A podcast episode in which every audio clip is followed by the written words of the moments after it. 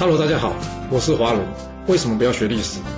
因为学历史会让你了解到顶层阶级的思考方式，成为他们的竞争者，所以他不希望你去学。还有学历史会让你看到许多前人成功及失败的案例，你的竞争对手想要好好的睡个觉，所以他也不希望你去学。最重要的是，学历史会让你了解人性，你的老板以及同事都希望你保持天真的心，所以他们更不希望你去学。就是因为这些原因，接下来我要跟你说的是故事，而不是历史。今天要说的主题是：为什么小人说话老板比较爱听？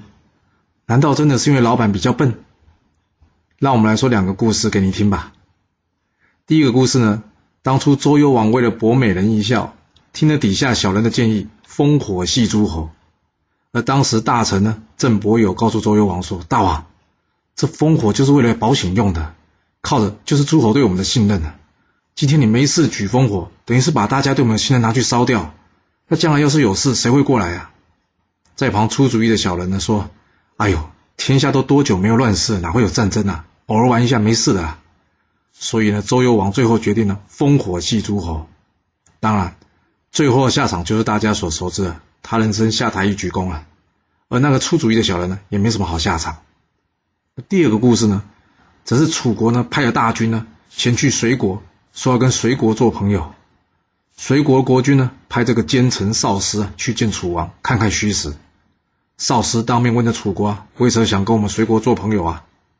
楚王对他说啊：“哎呀，因为我们楚国呢最近缺粮，害怕邻近的小国呢前来骚扰，所以想跟这些小国的老大哥，就是你随国做个朋友，这样就不用担心被这些小国骚扰了。”这少师呢，在谈话的时候，另外还注意到楚国的这兵器破旧，人员老弱啊，所以呢，回去之后呢，他告诉随国国君说：“哦，这楚国有够弱的，我们呢可以假装同意，然后呢再出兵偷袭他们，这样就可以大败楚国了。”但是在一旁的贤臣季梁却认为呢，从之前收集到情报来看，从来没听说过楚国收成欠佳，再加上楚国既然大军前来。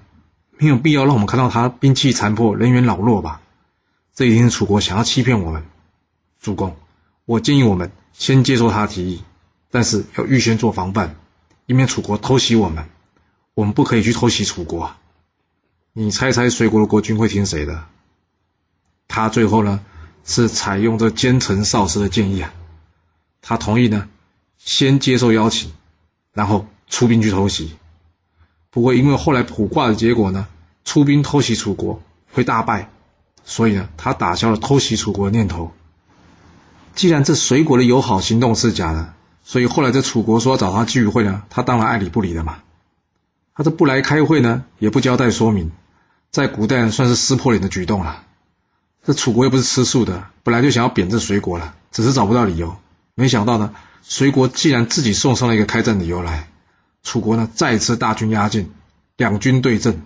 这贤臣季梁建议呢，他们呢可以先攻击楚国的弱点。不过呢，随国国君呢完全不理他，反而是采用这个奸臣少师的建议啊，与楚军的主力正面交锋。结果呢，这随军就像以卵击石一样，被楚军打个大败。还好，最后在这季梁英勇杀敌的保护下呢，才救出这个随国的国君。你有没有想过啊？为什么老板总是忠言逆耳呢？那是因为呢，说话的人呢，自己觉得自己讲的是忠言，就常常忘了沟通的方式。套句现在的话来说吧，就是呢，这是产品导向，而不是顾客导向。顾客导向的话呢，要先知道顾客需要什么。以周幽王为例吧，他想要的就是怎么样博得这美人褒姒一笑。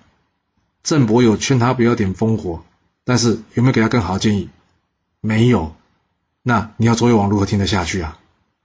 因为就是随国国君呐，他一听到呢，楚国要主动找他做朋友，他整个人都飘起来了。加上这汉东众小国呢，都听他的话，他当然也想要一番作为嘛。既然他有窥视楚国的野心，当然接下来所有说楚国弱可以攻打楚国的意见，他就比较容易听得进耳里了。所谓酒逢知己千杯少，话不投机半句多啊。或是说的话没有办法符合对方心里的需求，你说的再好、再多、再有道理，对方也不见得听得进去啊。想要跟别人沟通，第一点，一定要站在他的立场，判断他能接受你说什么，才能打开沟通的大门。这就好像我们要去游乐园玩，但是进不了大门，你怎么玩呢？还有，你跟外国人沟通，会用他听得懂的语言，还是他听不懂的语言？一定是用他听得懂的语言嘛。所以，还是那句话，话是说给人听的，不是说给自己听的。重点不只是你说的有没有道理，而是对方愿不愿意听。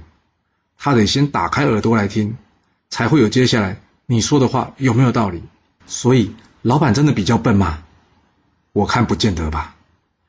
因为在问题没发生之前呢，除了智者之外，大家通常无法预判后面会有多严重的结果。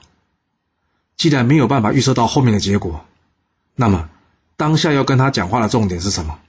就必须放在他能听得进你说的话。今天都吃不饱，怎么去想明天会更好呢？若是运气好，遇到理性或是英明的老板，这个开门的问题或许可以跳过。不过你自己想一想吧，英明的主管，你认为多少人之中才会有一位啊？好了，我们今天先说到这。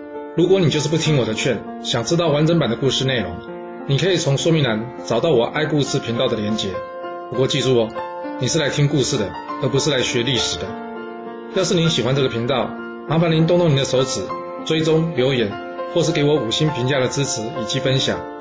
谢谢您来收听，我们下次再见。